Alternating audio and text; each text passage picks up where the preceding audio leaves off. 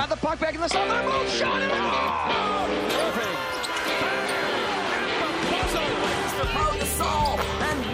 You want to go? Let's go then. Pagan coming in. Dives and he makes the catch. Locker Room, amb Ruth Vilar. Ruth Vilà, com estàs? Bona nit. Hola, bona nit. Ara estava pensant que crec que tens la careta més xula de totes les seccions del Tot Gira. És veritat. Tinc, tinc, tinc la careta que em mereixo. Sí, senyor. Sí, sí, no, no, no, de veritat, m'agrada molt. Ara ho comentava amb el Cesc Bertrany, el nostre tècnic, que és que qui la va fer, i m'agrada molt. Té molt de rima, sí senyor. Uh, ara parlarem d'escacs i d'aquesta final del Mundial uh, entre Carlsen i... No me'n recordo mai com es diu el Sergei rus. Kariakin. Kariakin. Kariakin. Kariakin. Però abans, a quan li queda el partit del Pizjuán, Salmo? Dos i mig més l'afegit, Sevilla 2, València 1. I a la Lliga Europea d'Hockey Patins, Xevi uh, guanyarà el Reus. Sí, però 4 minuts i mig i ara mateix els jugadors del Reus que li han de dir al públic que es calmin, que es moderin, han començat a llançar coses, alguns energúmens, com passa eh, algunes vegades, ampolles d'aigua que han impactat alguna amb jugadors de l'Sporting de Portugal. El partit està aturat, 4 i mig pel final, guanya el Reus esportivament collonut, 3 a 1. Ara, socialment, per dir-ho d'alguna manera, eh, mala imatge. que es calmin els, eh, els ànims, eh, que no hi hagin coses que haguem de lamentar. A veure, d'entrada, actualitzem el marcador d'aquesta final eh, del Mundial, d'aquest Campionat del Món d'Escacs. El Onzena nostre partida. home expert en escacs, eh, Ruth? Perquè Va, li, ho hem descobert aquesta setmana, Sí. li agrada molt els escacs al Salmo. Calla, va. Uh, onzena partida, uh, empat a 5 al marcador.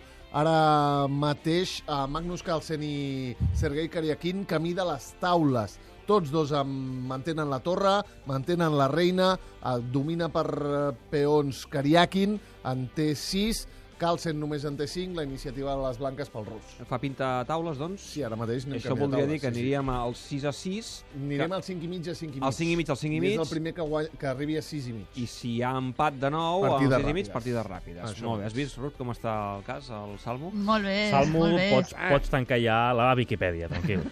No, no, cansat, de veritat. és veritat, és veritat. No és pas mentida. A veure, Ruth, a- això s'està fent a Manhattan, eh? Ja ens ho deies la setmana Correcte. passada. Eh, per tant, s'ha buscat un lloc emblemàtic per jugar, per disputar-se aquesta final del Campionat del Món.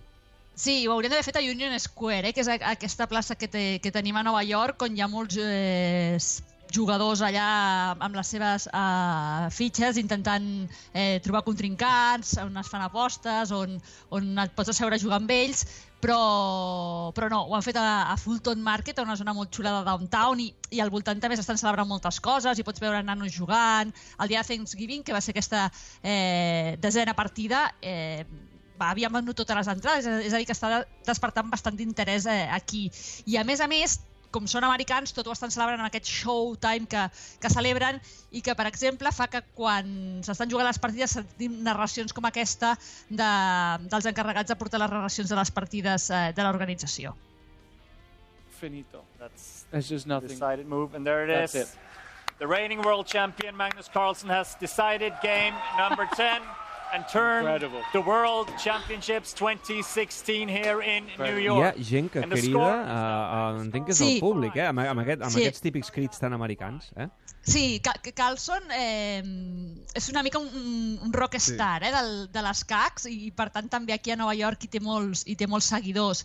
I qui està fent aquestes narracions i que sentíem, entre d'altres, és la gran mestra Judit Polgar, que, per dir-ho així, ho està flipant amb, amb, amb aquestes partides i amb com estan anant i amb com ho està gestionant Carlsen.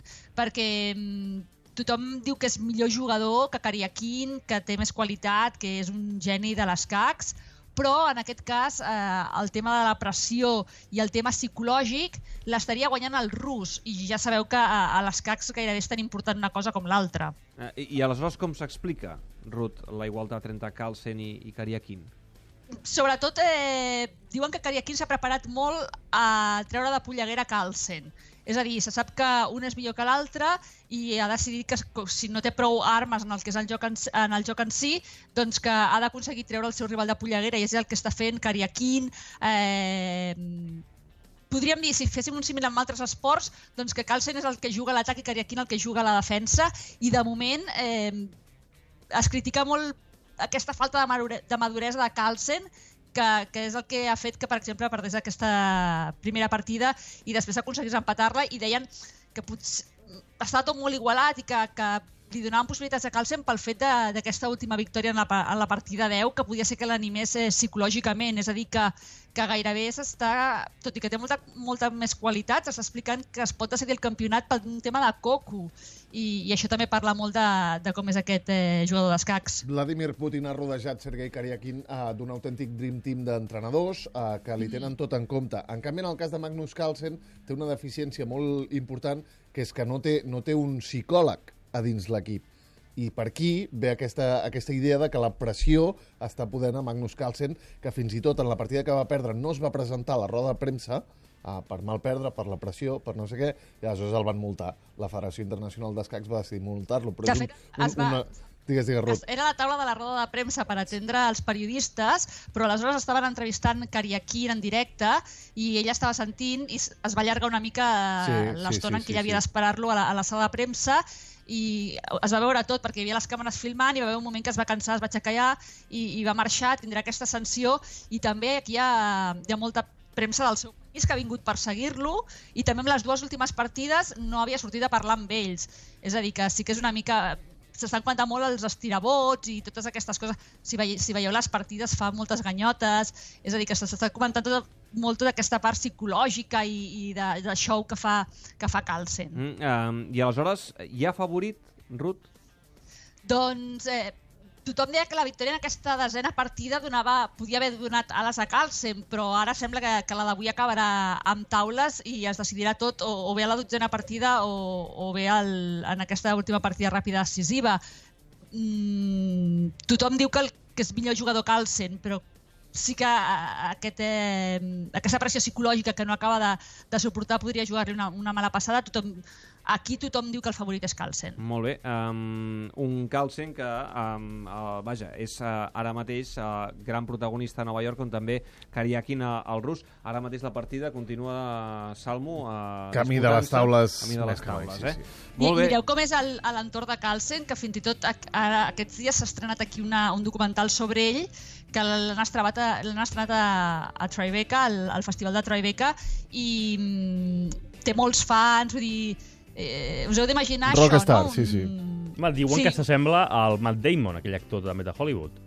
Físicament. Diuen, diuen. Sí, sí, sí, home, té una retirada, sí, eh? sembla una mica, té una sembla retirada. una mica. Sí, sí. Sí, sí, però és això, eh? és, és la seriositat, eh, la, perso mm, la persona amb una mica gris, de Kariakin, rus, envoltat de tots aquests entrenadors, i l'altre que és una mica el, el rebel, el geni, eh, el nen mimat de, de les CACs, eh, que està intentant aconseguir revalidar el seu títol de campió En certa manera, aquesta història que m'estàs explicant em recorda i molt aquella famosa partida històrica entre Fischer i Karpov. De fet, ara fa ben poc se n'ha fet una pel·lícula... Spassky, Spassky, Ah, perdó, entre Spassky, entre Spassky, perdó. Entre Spassky i Fischer s'ha... Gran pel·lícula, gran una pel·lícula. pel·lícula que, que val molt la pena explicant aquella gran partida que finalment va guanyar Fischer, que també era una mica el, el rockstar, no? I, i Spassky doncs, era, en aquest cas, el, el jugador seriós de, de la Unió Soviètica.